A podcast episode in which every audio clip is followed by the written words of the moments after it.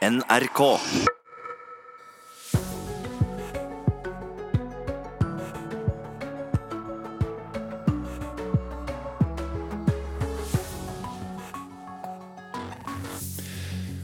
Morgen, alle sammen, om du nå jobber eller har tatt deg påskeferie. Nyhetsmorgen er på plass for deg i dag og de neste to dagene. Og i dag skal vi snakke om et av de mest spektakulære comebackene i idrettshistorien. Tiger Woods vant Masters-turneringen i går. Årevis med skadene fra en bilulykke, personlige kriser, diverse ryggoperasjoner, medisinmisbruk og elendig spill. Verdens beste golfspiller er tilbake på topp. Og det har vært en uh, spennende helg i Finland. Der har det vært valg, og sosialdemokratene vant med et skrik. Men polariseringen av politikken er tydelig også i Finland som i mange andre europeiske land. Det skal vi straks snakke om her i uh, Nyhetsmorgen. Ja, sånn kvart over sju omtrent. Børsen ble privatisert i 2001 for å kunne kjøpe opp andre børser i utlandet og vokse seg stor. Men nå er det børsen selv som blir solgt ut av landet. I dag er det nøyaktig 200 år siden børsen åpnet i Kristiania og vi får besøk av en av forfatterne av jubileumsboken for å høre om hva som egentlig skjedde. Og dessuten, som du hørte i Dagsnytt, klokken tre i natt ble den første episoden i den siste sesongen av Game of Thrones lagt ut på nett. Forventningene er enorme verden over, og vi skal snakke om den første episoden uten å avsløre vesentligheter. Og det blir jo eh, veldig lett, selvsagt. Nyhetsmorgen får du i dag med Birger Kålsrud Aasund i studio. Er du en av dem som har hatt glede av billig bilvask? Håndvasket bil på én time for en billig penge mens du handler eller sitter og venter? La meg være litt gledesdreper nå, for her er det noe gærent, ikke sant? Er ikke det for mye jobb for litt for lite penger når du tenker deg om? Ja, Det mener i hvert fall hovedorganisasjonen Virke, som nå krever at myndighetene stiller krav om en godkjenning for bilvaskehaller. Deler av bransjen er ifølge dem preget av svart arbeid, dårlige arbeidsforhold og ikke minst forurensning. En godkjenningsordning kan gjøre det enklere for kunden å velge rett, sier administrerende direktør Ivar Hornland Christensen. Det må gjøres sammen med bransjen, som vi organiserer her i Virke. Sammen med myndighetene, Nav, skatt, alle de der. Og få til en ordning som da er mulig å implementere, sånn at du som forbruker ser at du vasker hos et godkjent firma.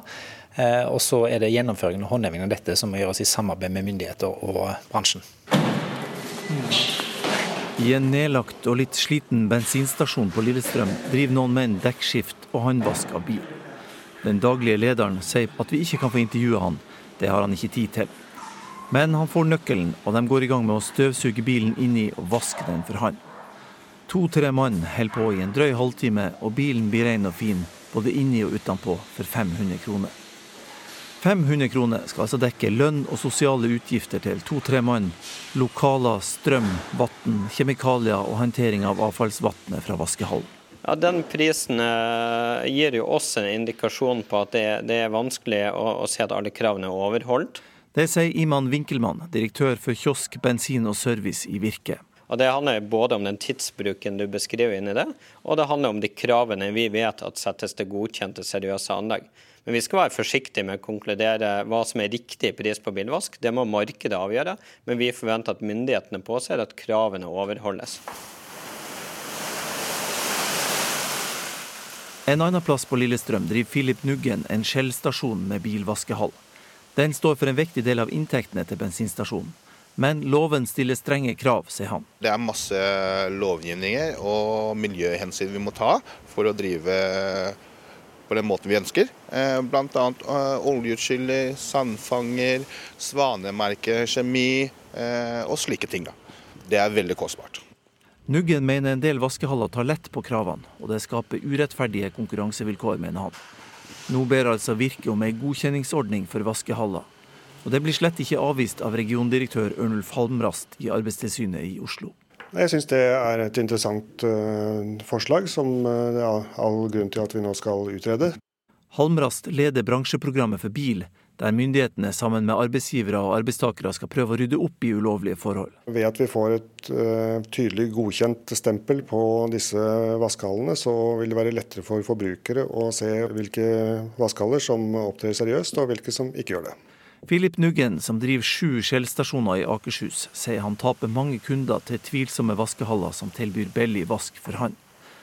Men det er noe annet som enda mer opprører mannen som kom til Norge som båtflyktning fra Vietnam da han var seks år gammel. Folk kan tillate seg å utnytte folk som har det vanskelig. Eh, lavt lønnet, eh, arbeidstid som ikke er i henhold til bestemmelse, eh, osv. osv. Eh, det plager meg jo mye. Eh, reporter med eh, veldig ren bil, Kjartan Røslett. Olav Norheim, leder for A-krimsenteret i Oslo og Akershus. Eh, velkommen til Nyhetsmorgen. Takk skal du ha. Hvordan vil du si generelt at forholdene i sånne bilvaskehaller er? Ja, I deler av bransjen så avdekker vi en, en del arbeidslivskriminalitet. Um, og det var litt som dere var inne på. Skatteunndragelser, trygdesvindel, ulovlige arbeidstakere. Og spesielt dette med brudd på arbeidsmiljøbestemmelser. Grenser opp til sosial dumping. Uh, det er slike ting vi kan avdekke. Når du sier deler, hvor store deler snakker vi om? Nei, Det er vanskelig for meg å si hvor store deler. Det, vi kjører jo kontroller som er risikobasert. Så vi vil jo spesielt se på den delen av bransjen som er useriøs. Men du vet ikke, du kan, har ikke noe nærmere indikasjon på hvor stor del det er? Nei, det, det jeg kan si er at vi får jo også tilbakemelding eh, fra forbrukere at dette kan være et vanskelig område å finne seriøse steder. Så vi skjønner jo at det er, det er et problem. Hva er det først og fremst eh, dere er opptatt av når dere snakker om ulovlige forhold? Det er jo alle mm, brudd på bestemmelsen som, som treffer de etatene som er på senteret. Eh, Senteret består jo av politi, skatt, Nav, arbeidstilsyn, toll, kemner. eh, Og så vi kontrollerer på bakgrunn av de bestemmelsene som de etatene har ansvar for. da. Eh, Og da spesielt skatteunndragelser. Ja. Mm, Men, men du, jeg bare, nevner nevne for, publikum, eller for lytterne våre her at det er litt forsinkelse på linja, så vi vi snakker litt i munnen på hverandre av og til. Men um, uh, hva er det som skjer? Hva er det dere gjør når dere går ut på en sånn kontroll? Ja, da er vi i de etatene som jeg nevnte. Da er vi ute, og da blir stedet kontrollert. Og, og da kontrollerer vi på ulike etater sine hjemler og undersøker om forholdene er, er OK. da. Mm.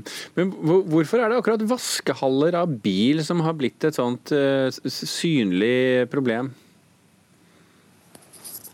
Det er, vanskelig å si, men det vi opplever er at uh, bransjer med mye kontantom, kontantomsetning, som kan ha mye kontantomsetning, og arbeidsintensive yrker, det er steder som kan uh, være problemet i forhold til arbeidslivskriminalitet. da. Eh, Hvordan er de eh, For dere sjekker jo også de arbeidsmiljømessige forholdene, altså hvordan de har det, hvordan man håndterer f.eks. Eh, avfall, da, hvis man kan kalle vann det. Eh, hva er din erfaring fra disse vaskehallene som, litt, eh, som dere mistenker driver ulovlig? Hvordan er det med miljømessige forhold også? Ja, det vi ser at det brukes jo en del eh, bl.a. kjemikalier som kan være miljøskadelige. og Også i forhold til eh, arbeidstakerne. Så Vi er bl.a. opptatt av at de bruker riktig verneutstyr. Så det ser vi er et problem. Eh, ellers er det arbeidsmiljø mye det, det vi kontrollerer går ut på. Og det Litt sånn som var tidlig i programmet i forhold til lange arbeidsdager. Eh, veldig lange arbeidsdager. Og så er det usikkerhet om de får eh, lønn for det, bl.a. overtidsbetalt. da. Og hva mener du vi publikum skal gjøre hvis vi eh, mistenker at her er det ugler i mosen? Nei, det vi pleier å si annet, er et, er et tilbud for godt til å være sant, så er det som oftest det. Det her er det Både arbeiderne skal få lønn, og lokale skal betales leie for osv. Um, og så er det noe med å bare se at eh, det ser ut, ser ut om det er OK forhold for arbeidstakerne, bl.a. Uh, om lokalene er OK. Uh, og, og alltid be om kvittering også. Det er viktig. Ok, Olav Norheim, eh, leder for A-krimsenteret i Oslo og Akershus, takk for at du var med oss her i eh, Nyhetsmorgen.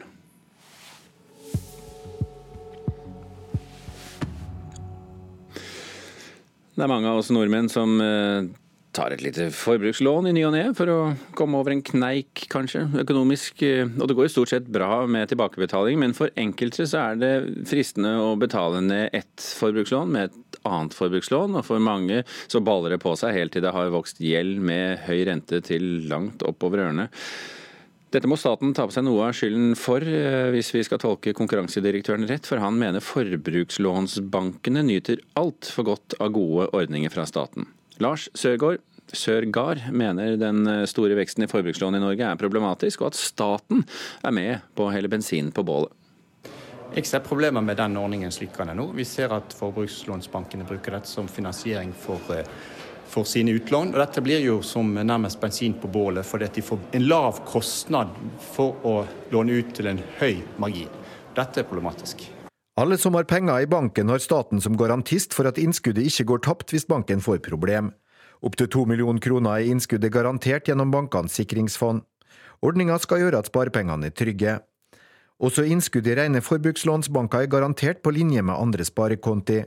Med bankenes sikringsfond i ryggen kan forbrukslånsbankene skaffe seg billig finansiering ved å tilby høye innskuddsrenter på bankinnskudd.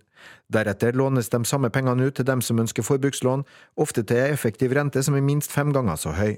Hvis du ser på forbrukslån, så har vi et problem med at alle er enige om at det, er vokst ut av alle proporsjoner. Sant? Og da har du På ene siden må vi gjøre noe med å begrense det eh, på utlånssiden, men vi kan òg gjøre noe med kostnaden for tak i penger. kan eh, er altfor gunstig, på en måte, for lav. Det er for lav kostnad for bankene å få tak i penger. Og det oppmuntrer de til å låne ut enda mer penger til denne si, litt sårbare gruppen. Professor Trond Døskeland ved Norges handelshøyskole går enda lenger, og mener at reglene som myndighetene har laga virker motsatt av det som var intensjonen. Han støtter kritikken fra konkurransedirektøren. Ja, det, det er jeg enig i. Det, det, er et eksempel på at uh, vi klarer ikke å regulere det på riktig måte. og da når en gjør det feil, så går det i motsatt retning av det vi egentlig vil at det skal gå. Men statssekretær Geir Olsen i Finansdepartementet sier at regjeringa allerede har gjort noe med problemet. Han viser til at det kom nye regler fra nyttår som gjør at forbrukslånsbankene må betale en større del av regninga for å være omfatta av statsgarantien, enn det andre og mer solide banker må gjøre.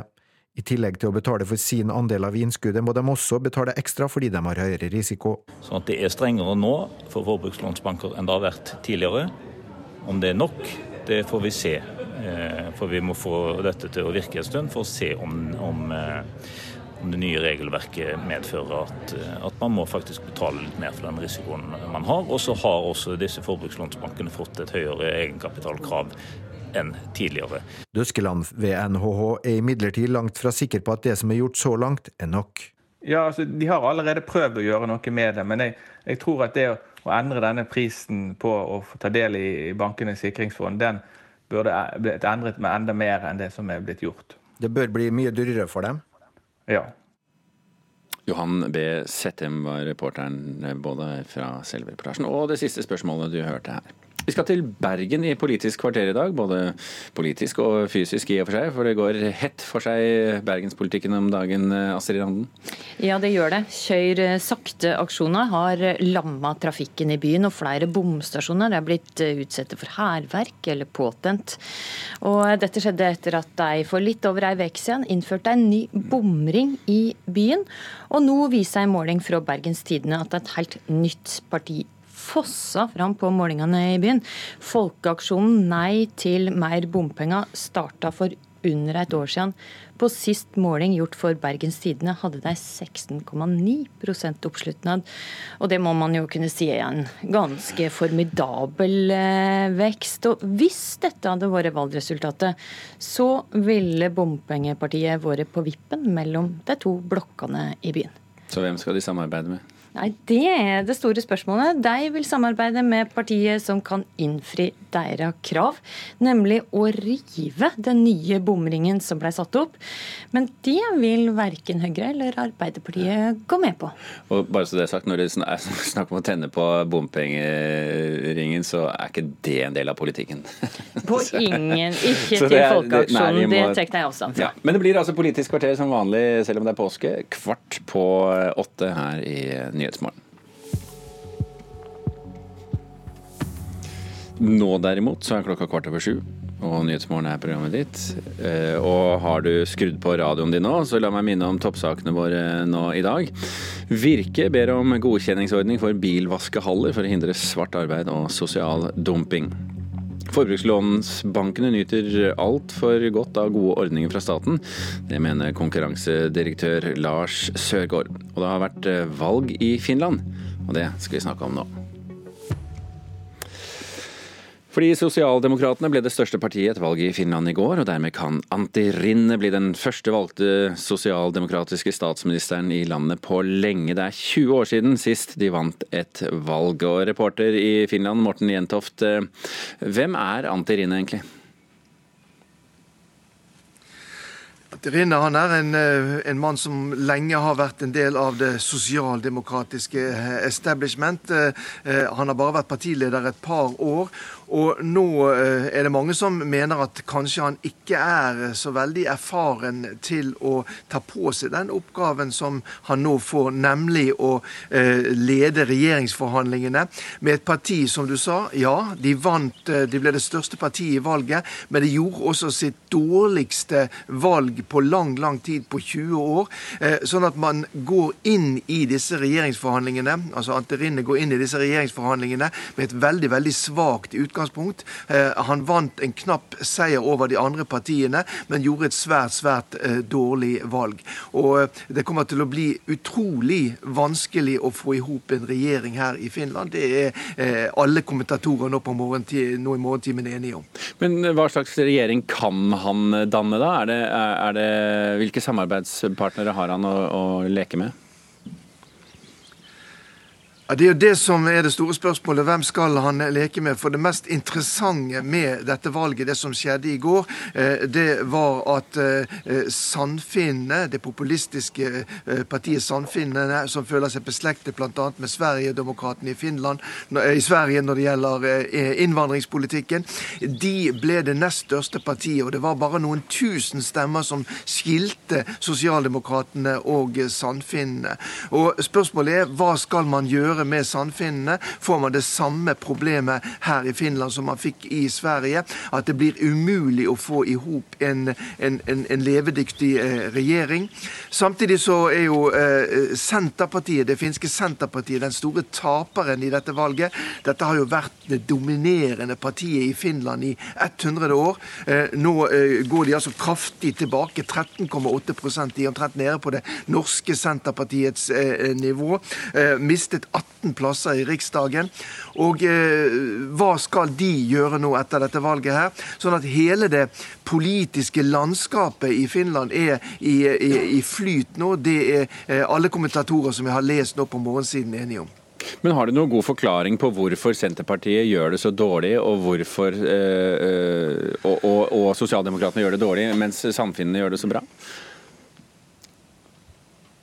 Ja, det er flere forklaringer på akkurat det. Vi hadde en episode i, i, i vinter i vår i byen Oulu, Uleåborg, eh, der en del eh, innvandrere eh, ble koblet til noen svært, svært grove overgrepssaker mot, mot mindreårige.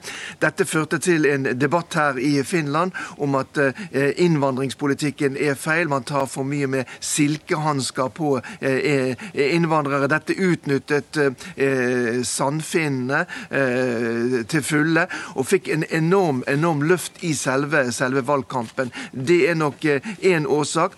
I tillegg til det så vet vi jo at den regjeringen, altså den Senterpartiledede regjeringen, den gikk av for en drøy måned siden fordi den ikke klarte å få igjennom en stor helsereform. Også denne helsereformen har skapt mye misnøye ute blant folk, og det har nok også eh, Sandfinn eh, utnyttet til fulle. Ok, Morten Jentoft, det blir spennende å følge med. Du får uh, gjøre det for oss nå i finsk politikk uh, videre. Takk for at du var med oss fra Finland i denne omgang.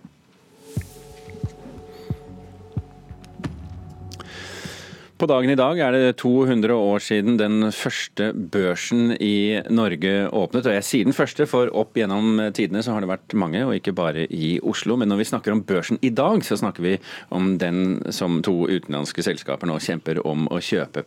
Og hvis du er en av dem, som meg, som stusset litt da nyheten for noen uker siden kom om salg av børsen, at man faktisk kan selge børsen, så har jeg eh, boken for deg. Den heter eh, Børsen markedsplass og møteplass 2019 19, nei, 1819-2019.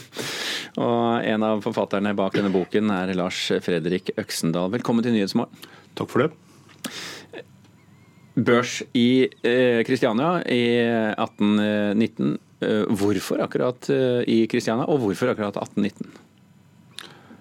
Jeg tror vi må gå tilbake til 1814. Dette er en del av historien om det nye Norge. Og En del av historien om nye Norge var at valutaforholdene var veldig usikre. og Man trengte en markedsplass for å omsette valuta i Kristiania for å få sikrere valutakurser i en veldig usikker tid. Så det var den utløsende årsaken. Men, men dette var jo ikke den eneste børsen i Norge eh, på den tiden, var det det? Det var også en børs i eh, Bergen. Og etter hvert så ble det opprettet eh, børser langs hele kysten etter mønster av børsen i Kristiania. Men Hvilken rolle har børsen i Kristiania spilt da, eh, opp gjennom eh, tidene? Høyst varierende, eh, vil jeg si. På 1800-tallet så handler dette her mye om nasjonsbygging og hovedstadsbygging. En hovedstad trenger en børs. Det tenkte, tenkte, tenkte storkjøpmennene. Og så fikk de en børs. Og så var det da om å fylle børsen med, med innhold. Og det var ofte mer utfordrende. Ja, hvorfor det? Lenge så var jo Kristiania en, en pekyrlig liten by. liten møkkaby? Nei, ja, det var dine ord. Men det er klart, Kristiania vokser i løpet av 1800-tallet fra en by på 10 000 innbyggere til en by med en kvart million innbyggere. Og så og det gjenspeiler, gjenspeiler, seg da i børsen, eller? Ja, det, det gjør egentlig det. Så det, det, er mer det at byen vokser inn i børsen. Men i utgangspunktet var børsen ganske stor. Det var det første store praktbygget som ble bygd på 1800-tallet i Kristiania. Ja. Men når blir børsen viktig på den måten den er viktig i dag? Det har jo vært omsatt verdipapirer eh, på børsen siden 1881. Men det virkelige gjennombruddet for eh, børsen som verdipapirarena, og hvor verdipapiromsetning og det å innhente kapital i markedet blir viktig, det er noe vi ser først de siste 40 årene. Mm. Men, men, den reaksjonen jeg hadde, at man liksom når, når, vi får beskjed om at børsen skal selges, og jeg tenker ja, men det, det er ikke det som å selge jernbaneskinnene våre eller, eller telenettet. Eh, hvor, hvor ligger misforståelsen egentlig? Det er egentlig ingen misforståelse. Mange vil tenke på en børs som en del av en infrastruktur en del av samfunnets eh, infrastruktur. Og det var den funksjonen den hadde veldig lenge. Og så I 2001 så ønsket børsledelsen å privatisere børsen som en del av, eh, av den store oppkjøps- og fusjonsprosessen som foregikk på det europeiske børsmarkedet. Man ønsket å gå eh, inn i en større børs, og da måtte man faktisk ha eiere, slik at man kunne bli kjøpt opp. Det var ambisjonen i 2001. Og Da fikk de støtte av eh, de politiske partiene og regjeringen Stoltenberg i det. Mm. Var det en god avgjørelse? Det var iallfall en avgjørelse som gjorde at børsen fikk eiere. Og at man dermed er i den situasjonen man er i dag, hvor børsen er i, i spill. Mm. Kommer vi til å merke noe, tror du? Eh, hvis nå børsen blir da enten tysk, nederlandsk eller, eller amerikansk? Når børsen først har eiere, så er det jo ikke så interessant om de er utenlandske eller norske. Det mest interessante er jo hva eierne vil med børsen. Og Der tror jeg bare framtiden vil vise hva Enten det er Euronext eller det er Nasdaq, Nasdaq som får uh, tilslaget. Mm. Uansett, da, for de som ønsker å lære seg mer om børsen og, og dens virke gjennom tidene. Uh, dette er altså markedsplass og møteplass gjennom 200 år, skrevet av Camilla uh, Braudseth, Gunhild Eklund og da altså Lars Fredrik Øksendal. Og takk for at du var med oss her i Nyhetsmorgen. Takk skal du ha.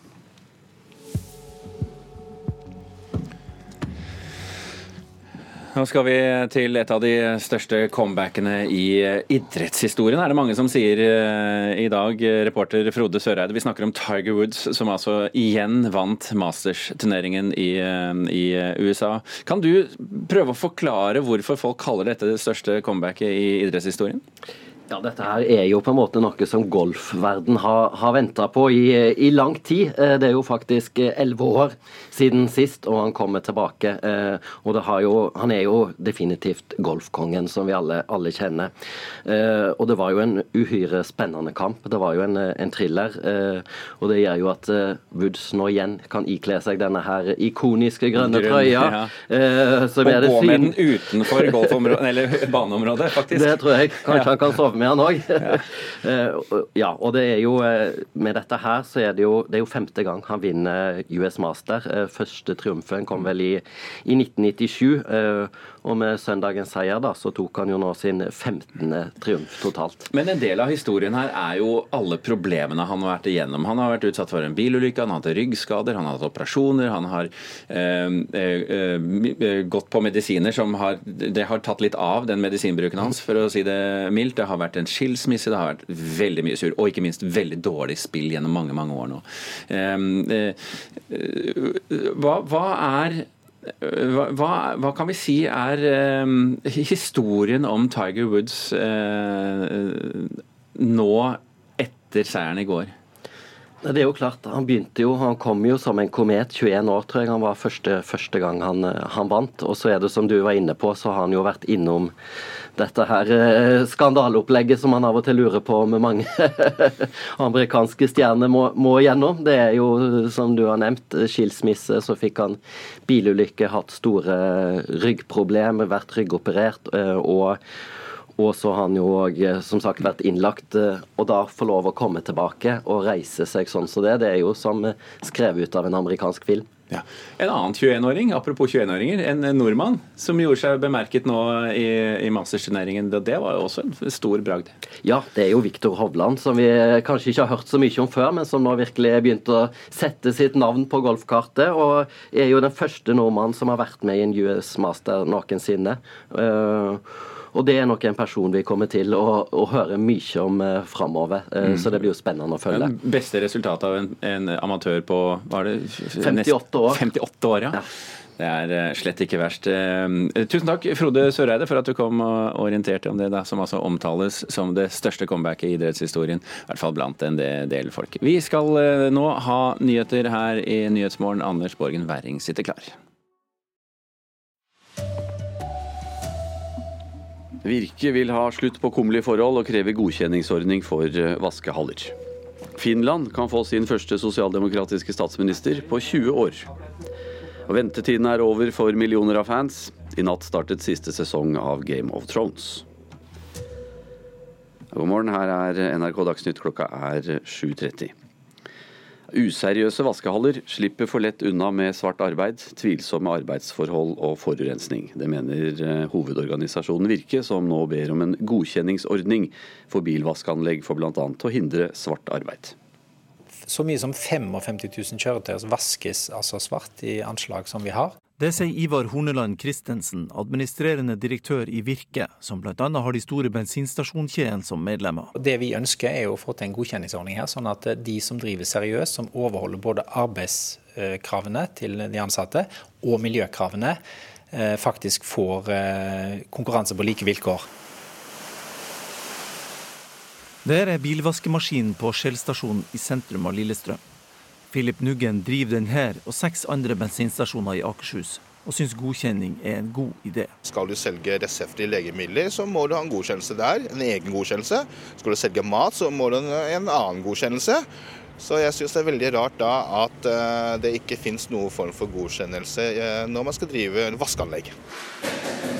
Andre plasser i byen tilbyr vaskehaller håndvask av bilen for omtrent samme prisen som du betaler for maskinvask på Skjell. På en av plassene betaler vi 500 kroner for innvendig og utvendig håndvask av bilen. En jobb som tar to-tre mann mellom en halv time og tre kvarter. Andre gjør det enda billigere. Useriøse forhold i vaskehaller er, det er et problemområde som myndighetene har sett over lengre tid. Regiondirektør Ørnulf Halmrast i Arbeidstilsynet i Oslo leder tilsynet sitt samarbeid med bransjen for å komme ulovligheter til livs. Han sier at ei godkjenningsordning kan hjelpe kundene til å skjelle mellom seriøse virksomheter og klart ulovlige forhold i vaskehaller. Mangelfulle arbeidskontrakter, det kan være horrible brudd på arbeidstidsbestemmelsene, men det også kan være åpenbar risiko for helseskader for arbeidstakerne, bl.a. knytta til farlige kjemikalier. Reporter her, Kjartan Røslett. Sosialdemokratene ble det største partiet etter valget i Finland i går, og dermed kan Antti Rinne bli den første valgte sosialdemokratiske statsministeren i landet på lenge. Det er 20 år siden sist sosialdemokratene vant et valg. Reporter i Finland, Morten Jentoft, hvem er Antti Rinne? Rinne han er en mann som har vært med lenge i finsk politikk. Vært partileder de siste årene. Og nå får han altså den usedvanlig vanskelige oppgaven å forsøke å danne en finsk regjering som leder for et parti som riktignok ble det største partiet, men som samtidig gjorde sitt dårligste valg på 20 år. Fikk mye mindre oppslutning enn det som meningsmålingene tydet på. Samtidig som det finske politiske landskapet også er mer eller mindre i oppløsning. Det populistiske Sandfinnene gjorde det veldig godt, ble nesten like stort som Sosialdemokratene. Så Antirinna han får en usedvanlig tøff oppgave med å forsøke å få i stand en regjering. Ja, Hva slags regjering er det ventet at han kommer til å danne? Ja, Det er jo det alle spør seg om her, i og med at det politiske landskapet i Finland er såpass kaotisk som det er. Senterpartiet gjør sitt dårligste valg på eh, 100 år. Er nesten nede på nivået til det norske Senterpartiet.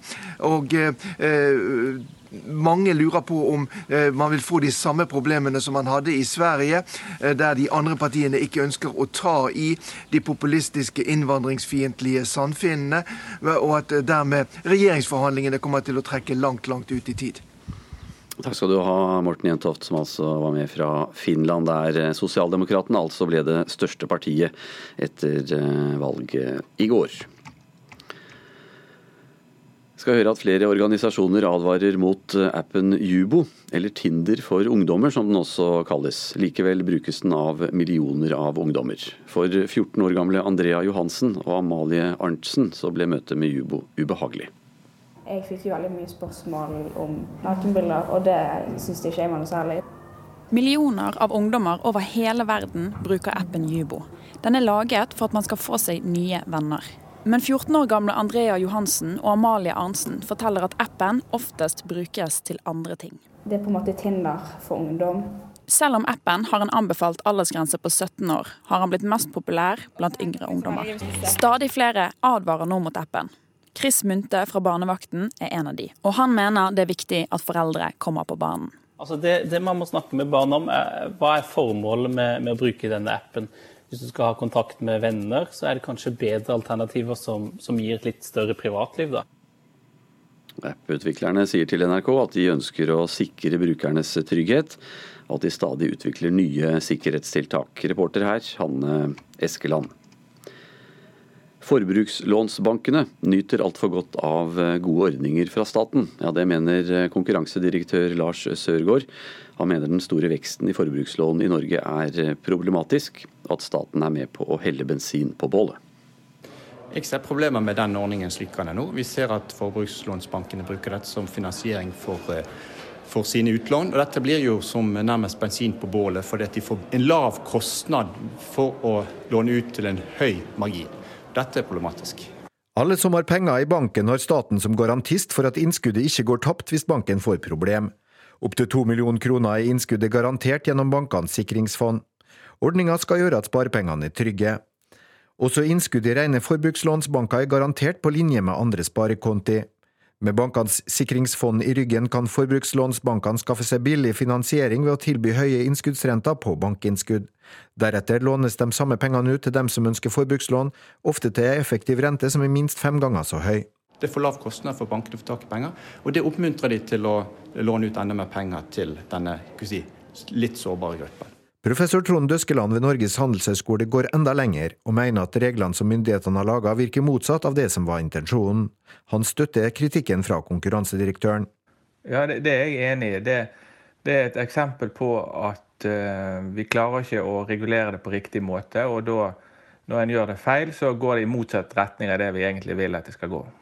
Men statssekretær Geir Olsen i Finansdepartementet sier at regjeringa allerede har gjort noe med problemet. Han viser til at det kom nye regler fra nyttår som gjør at forbrukslånsbankene må betale en større del av regninga for å være omfattet av statsgarantien enn det andre og mer solide banker må gjøre. I tillegg til å betale for sin andel av innskuddet, må de også betale ekstra fordi de har høyere risiko. Sånn at det er strengere nå for forbrukslånsbanker enn det har vært tidligere. Om det er nok, det får vi se. Reporter var Johan B. Settem. They're coming. Our enemy doesn't tire, doesn't stop, doesn't feel.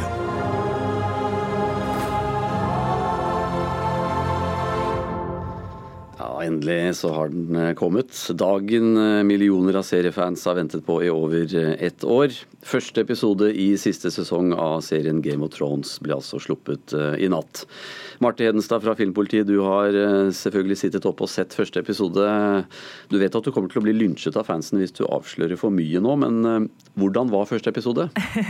ja, jeg syns det var en fin start på slutten, rett og slett. Episoden klarer å bygge opp forventninger for resten av sesongen, eh, og plassere liksom brikkene ut på kartet på en fin måte. Det her er jo en episode hvor eh, en del rollefigurer som eh, ikke har møtt hverandre på veldig lenge, endelig ses igjen. Og det er ganske sånn tilfredsstillende å bli med på en del av de møtene. Noen problemer har episoden. Den er kanskje litt trygg, um, og spiller i overkant mye på humor, syns jeg, sånn at den mister noe av sin emosjonelle slagkraft. Men jeg var godt fornøyd uh, da rulleteksten kom på skjermen, altså. Ja, det er jo som vi har hørt mange som snakker om Game of Thrones. Uh, millioner av seere. Hva er det som fascinerer så mye med Game of Thrones? Ja, det er jo den blandingen av at det er en sånn slags virkelighetsflukt inn i et sånt episk eh, fantasy-univers, samtidig som om det er en, en slags såpeserie eh, med veldig mange interessante rollefigurer som vi nå har fått være med på utviklingen til gjennom mange år. Eh, og det som er så fascinerende med denne serien, er at det er ikke bare denne kampen mot det gode og det onde.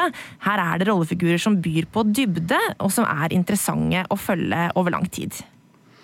Takk skal du ha, Marte Hedenstad fra Filmpolitiet, som altså satt opp i natt. Og så um, første episode av uh, siste sesong av serien Game of Thrones. Det er uh, Arild Svalbjørg som har ansvaret for uh, NRK Dagsnytt i dag. Jeg heter uh, Anders Borgen Werring. og fortsetter Nyhetsmorgen på NRK1 og NRK P2, og så blir det distriktssendinger i P1.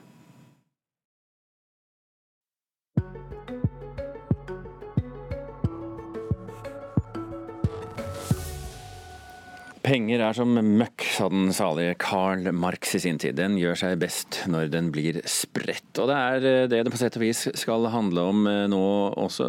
Møkka skal riktignok ikke spres, den skal samles. For i Kvæfjord gjør man husdyrgjødsel om til rene penger. Avfall fra dyr, oppdrettsanlegg og avføring fra mennesker skal nemlig bli til god matjord. Det er i hvert fall målet for Kvæfjord miljøjord, der hensikten er å gjøre landbruket mer miljøvennlig.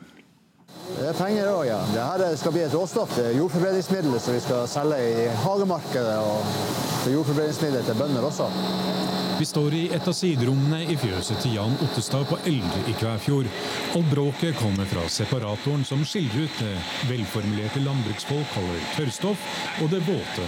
Kumøkka altså, eller driten om du vil, og urinen. Det blir skilt Urinen for seg og skiten for seg.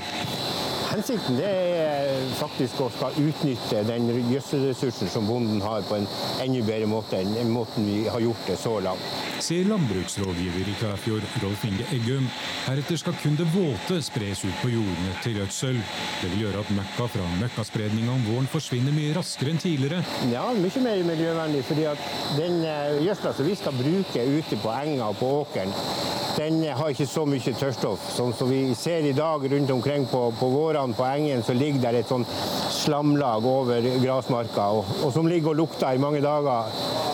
det vil bli en saga blått. Den siger rett og slett som vann ned i bakken. Sånn at om vi kjører Jøsla nå 16. mai, så er ikke det noe problem med tanke på 17. mai-feiringa.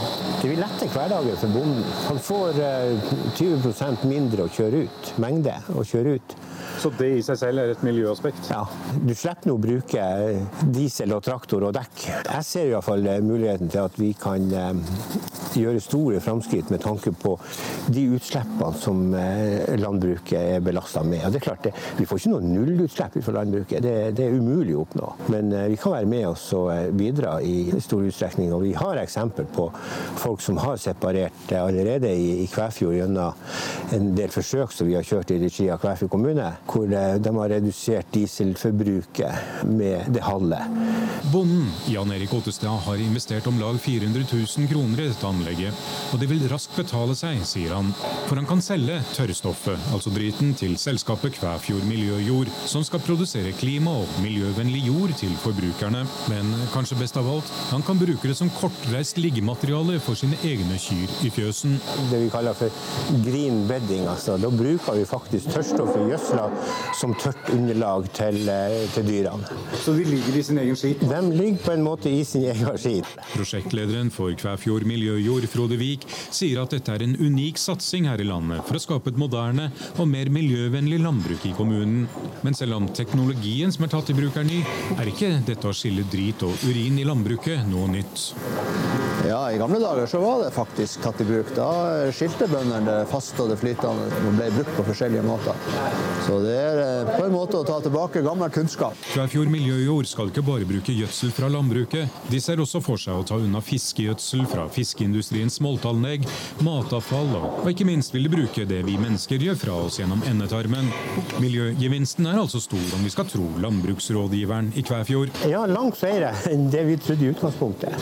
Altså, Evner man å se de mulighetene som ligger innenfor det her, så, så har jeg tro på at uh, dette er en vei å gå for å gjøre landbruket enda mer miljøvennlig, mer dyrevelferdsvennlig. og Det er lite sånn Colombi egg i det her. Det var landbruksrådgiver i Kvæfjord du hørte der, Rolf Inge Eggum, og reporter det var Nils Meren. Klokken er kvart på åtte, du hører på Nyhetsmorgen, og har du nettopp skrudd på radioen, la meg bare minne om toppsakene våre nå i dag.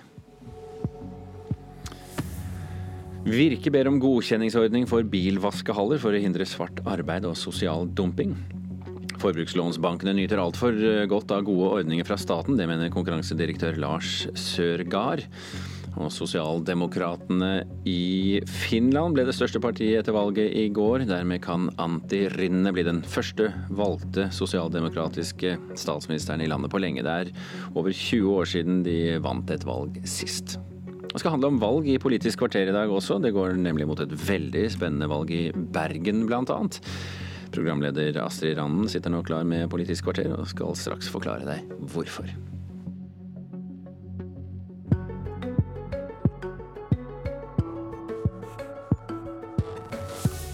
Kan en folkeaksjon mot bompenger avgjøre hvem som skal styre Noregs nest største by?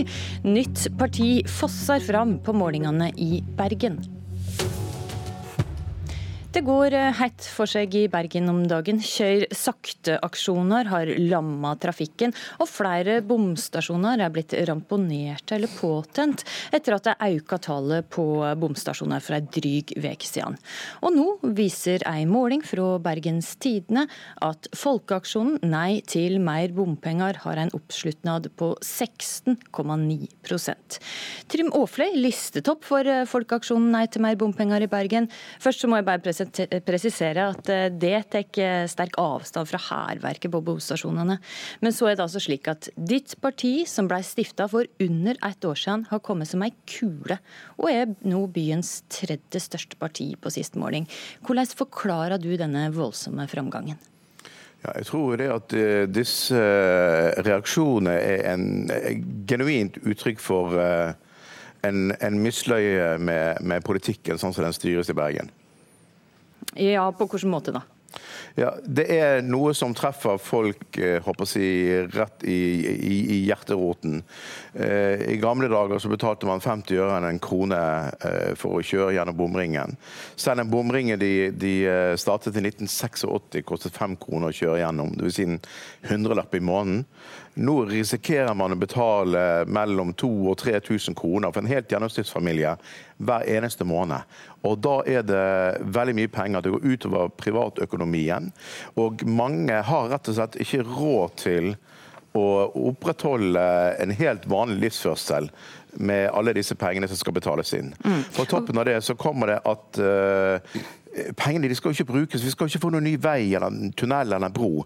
Det skal jo brukes til uh, kollektivtrafikk og miljøtiltak og sykkelveier og, og, og slike ting. Så Bilistene føler jo at uh, med alle disse pengene så får de jo veldig lite igjen for det. De som er avhengig av å kjøre bil. Mm.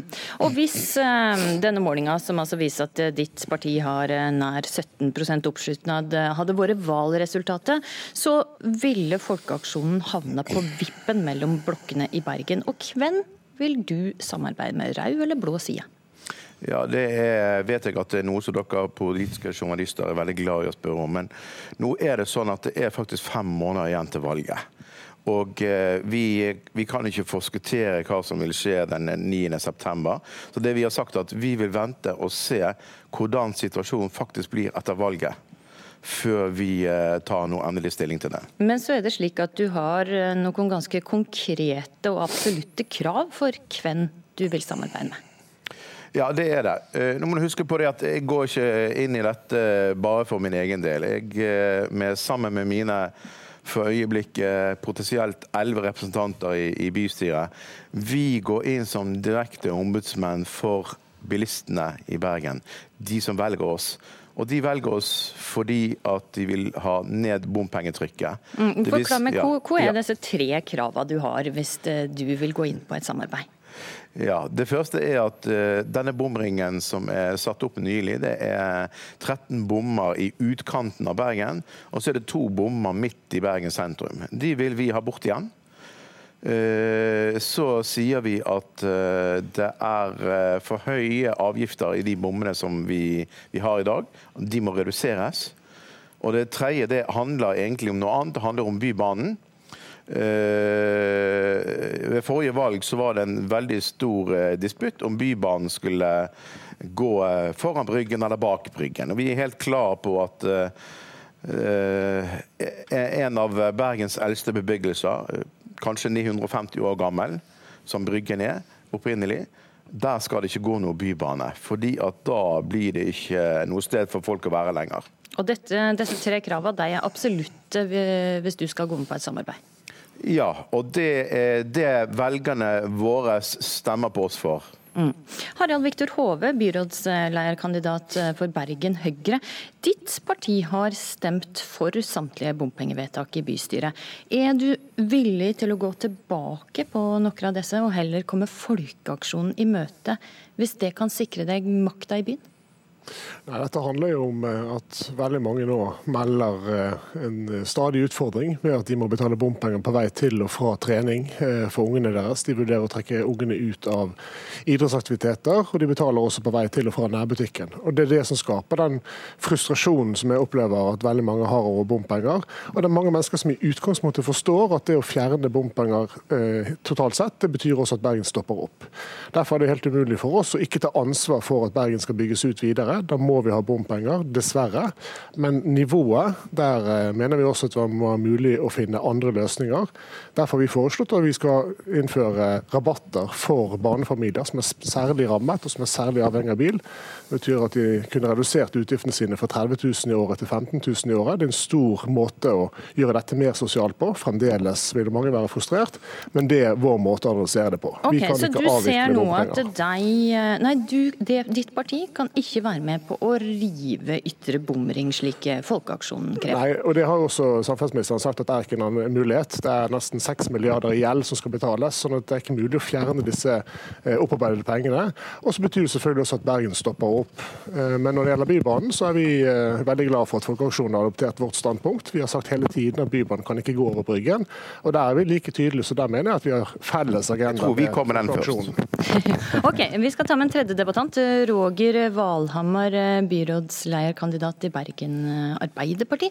Du representerer altså et byråd som har innført denne nye bomringen og auka bompengesatsene i byen. Når du hører krava som Folkeaksjonen her kommer med, er det aktuelt for det å inngå et samarbeid? Altså først vil Jeg si at jeg har stor forståelse for uh, den frustrasjonen som uh, mange føler i Bergen, og som sikkert er litt av uttrykket for at han nå fikk 16,9 eh, til Trym på hans uh, liste på forrige, forrige, måling. Fordi bompengetaket i Bergen er nådd, og bompengene er for høye. Men svaret på det Bompengene som du sjøl har vært sittet i byråd og innført, de er for høye? Ja, for Utfordringen vår er at for at regjeringen og statlige midler i det hele tatt skal være med å finansiere noe ting som helst i Bergen, så krever de 50% lokal eh, finansiering, med samferdselsministeren fra Frp i spissen. Og Det var et krav for i hele tatt å gå inn i forhandlingene. Eh, og Skal ikke Bergen stoppe opp, som Harald Viktor var inne på? Eh, vi ønsker Bybanen til Åsane, vi ønsker Bybanen til Fyllingsdalen og Spellhaugen. Vi ønsker sykkelveier, vi ønsker ny ringvei øst.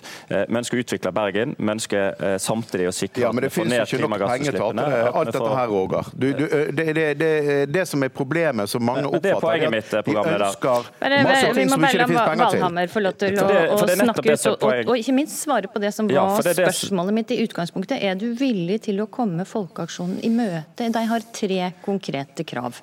Ja, og, er du villig til å komme deg i møte?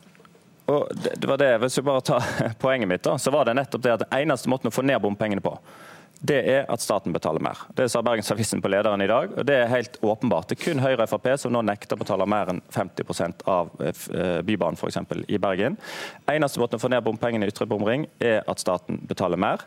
Eh, det er vårt felles krav. Jeg skulle ønske at disse to herrene her var med meg på det kravet, for det er realistisk. Å fjerne Ytre bomring, det er ikke mulig. Svaret er nei. Svaret er nei. Svaret er nei. Du kan ikke gå med på de, de kravene som Folkeaksjonen her. Det, det er ikke mulig. og det kanskje der Trym må være litt ærlig for de som som vurderer å stemme på han. For det er ikke mulig å fjerne ytre bomring nå etter valget. Eh, vi har 5,3 milliarder eh, i gjeld som må finansieres, og som BA utfordrer Trym på. Det vil være til 2030 bompenger i Bergen, selv om vi nå stopper opp. Ingen mer utvikling. Vi bygger ikke mer sykkelveier, vi bygger ikke bybane, vi bygger ikke mer vei.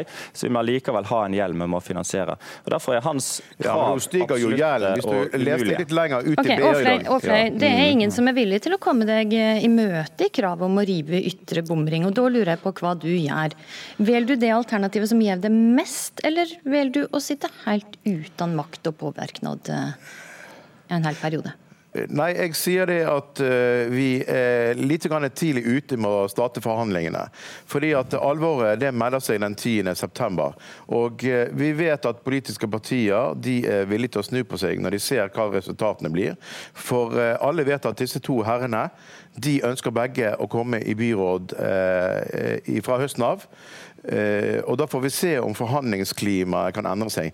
Jo, det som er Problemet når du hele tiden peker på at staten sier ditt og staten sier datt, det er jo at de som har forhandlet på vegne av Bergen kommune, har gjort en veldig dårlig jobb. Det virker jo som, som de ikke har forhandlet i det hele tatt, men bare godtatt alt som kommer fra staten. Og eh, Da må vi eh, faktisk se om vi kan forhandle på en annen måte. Vi må ta frem en litt større kalkulator, og så må vi se tingene litt i, i, i sammenheng og se om det er mulig med andre løsninger. Men avtaler med staten ligger ligger jo fast, sier både Arbeiderpartiet og Høyre her. Ja, men eh, avtaler kan endres. Det står jo også i avtaleteksten. Ok, HV avtaler kan endres, eh, sier Folkeaksjonen nei til mer bompenger. Men dette handler jo ikke om å, om å, innfri krav fra Trym, dette handler jo om å faktisk høre på folk. Og Når folk sier at dette er blitt en belastning som er for høy for dem, så sier de ikke at vi ikke skal ha bompenger. Eh, de sier faktisk det at dette må gå opp i hverdagen. Og Det er barnefamiliene som kjører til og fra trening som har den største utfordringen med å finne et alternativ. For bussen går ikke, det er ikke noe bybane bygget, og det er ikke noe alternativ å sette bil hjemme. Da må vi ta det inn over oss som politikere, for ellers så faller hele legitimiteten til bompengefinansieringen gjennom. Men skjønte ikke, skjønte ikke du dette, Hove, da du stemte stemte for dette her? Og ditt parti stemte for det? Jeg, jeg tenker at Det viktigste er at vi tar inn over oss at her må vi komme folk i møte. Jeg kan ikke love gull og grønne skoger. Men, men burde faktisk... du skjønt dette litt før? Jeg tror det viktigste er at vi faktisk får det med oss, at vi har tatt fram forslag, og så har Arbeiderpartiet sagt at det er de ikke villige til å ta. Jeg tror det er uklokt, fordi at frustrasjonen til folk er reell. Den må adresseres. Det er ikke realistisk å fjerne bompengeringen. Men så er det også sånn at Arbeiderpartiet har sittet og styrt i fire år. Og luksusfellen den har én funksjon. Den kommer inn og hjelper deg å forstå hvordan du skal husholdere med de pengene du har. Den kommer ikke inn og sier at vi betaler alle regningene dine. Og Det er det Roger Valhammer sier når han hele tiden skyver dette over på staten. Det er vi her lokalt som bestemmer framdriften uten kostnadene. Og her ønsker Roger å gjøre mer enn han har penger til. Og da sier vi at det kan ikke vi være med på, for da går regningen til bilistene. Da må man faktisk ta en telling, og så må man gjøre det som Arbeiderpartiet har gjort i Trondheim. Okay, de har valgt å satse på billigere Bybanen til Åsane, da, så er jo HVs eh, løsning og omkamp på trasé nok en gang dyrere enn den som nå er, er valgt. Eh, Det er nå eh, jf. luksusfellen. Men det som er, og Trym var inne på det, dårlige forhandlere. Det var et krav fra samferdselsministeren. Han ville ikke forhandle hvis ikke vi aksepterte 50 Vi fikk lagt inn en reforhandling fordi vi håpte at eh, Arbeiderpartiet skulle vinne valget i 2017. Det gjorde vi ikke. og Dermed så er det samme regjeringen med samme eh, krav tilbake, maks 50 Men det er ikke noe tvil om at ditt parti er det, er det eneste. Det er tre som er med her, som ønska denne, å bygge denne by, bybanen til Åsane. Og, Mm. og det kommer til å koste flere altså titalls milliarder kroner. Eh, Det kan ikke Bybanen til Åsane alene, nei. Eh, Titalls milliarder, det gjør det ikke. Men det kommer til å koste noen ti milliarder kroner. Ja. Eh, Og vi er veldig tydelige på det. Vi skal være garantisten for Bybanen til Åsane. Høyre svikta Åsane sist, når de eh, la den i skuff og bygde til Fyllingsdalen først. Det kommer ikke vi til å gjøre. Bybanen er helt avgjørende for at vi skal få ned klimagassutslippene, at vi skal få en ren byluft, at vi skal sikre at de som må kjøre bil, faktisk har plass på veien. Den er helt avgjørende eh, for at vi skal utvikle Bergen i den retningen vi ønsker. Ok, Så du sier både det at man trenger en eh, bybane til Åsane, som kommer til å koste mange milliarder, og eh, en har for mye bompenger. Hvordan ja, det- får du da, og da er ditt svar å, å rope på mer penger fra regjeringa? Det er ikke et, eh, jeg roper ikke på det. Jeg har, dette har vi sagt lenge. Jeg har fått Arbeiderpartiet til å endre politikk til sier si eh, 70% Andre partier har 70% eller høyere. Det er kun Høyre og Frp som står imot. Skal vi Ok, lykkes Hove, vil du eh, be om mer penger fra din regjering? Alle lokalpolitikere vil ha mer penger til sin kommune, så dette er ikke noe nytt. Men det jeg sier til Roger, er, hva gjør du når han garanterer en bybane til Åsane til nærmere 12 milliarder, og ikke har pengene? Ja, Da går jo den regningen til bilistene. og Det er der vi skiller oss. Jeg sier at Det er ikke vi med på. Da må vi husholdere med de pengene vi har. Arbeiderpartiet har ikke kontroll på kostnadene. De har allerede 6 milliarder i gjeld i bompengeringen. Med 50% så vil altså det koste 6 milliarder til i bompenger å bygge til Åsane. Sånn at dette regnestykket går ikke opp. men dette Dette er- er uvilje mot en grønn by, Roger. Det vet du at vi er veldig enige om. Men Hvordan skal du løse det, da, Harald Viktor? Fordi at eh, du sier du, Vent nå, Safie. Du, du, du er ensporet her. fordi at du sier Bybanen er den eneste løsningen. Vi kan finne løsninger som treffer flere, med elektriske busser. Løsninger som Arbeiderpartiet har valgt i Trondheim. Ok, Men kort svar på det, Ja, for ut, utfordringen er, eh, Vi har satsa på bare eh, 600 nye avganger hver eneste dag i Bergen på buss. Vi har satt ned prisen, vi har gjort det gratis for 0- til 6-åringer for å satse på familiene. Vi har gjort ganske mye på buss. Vi trenger buss og bybane. Eh, Og Det er forskjellen på det jeg sier og det du sier, Harald Victor. For Bergen er en trang by. Det er ikke plass til både biler og busser på de samme to veiene inn fra alle retninger. Derfor trenger vi Bybanen og buss eh, og sykkelveier for å skape en god by. Og så er det viktig å si det at når vi sier at staten skal betale mer Togene Intercity på Østlandet mellom såkalt cities, som er tettsteder, det er fullfinansiert av staten. Titalls milliarder eh, kroner. Jeg er ikke imot det. Men når vi skal bygge tog, da, for det er tog i Norges anstørste by, Der, nesten eh, 300 000 Roger Valhammer, innbyggere, så må det være eh, nesten dessverre avbryte det, for denne sendinga går eh, mot slutten. Det eneste jeg kan konkludere med, er at det blir en spennende valgkamp eh, i Bergen, og kanskje like spennende etter eh, valget. Takk for at eh, dere tre var med i eh, Politisk kvarter, som nå går mot slutten. Og i dag var vi Astrid Randen.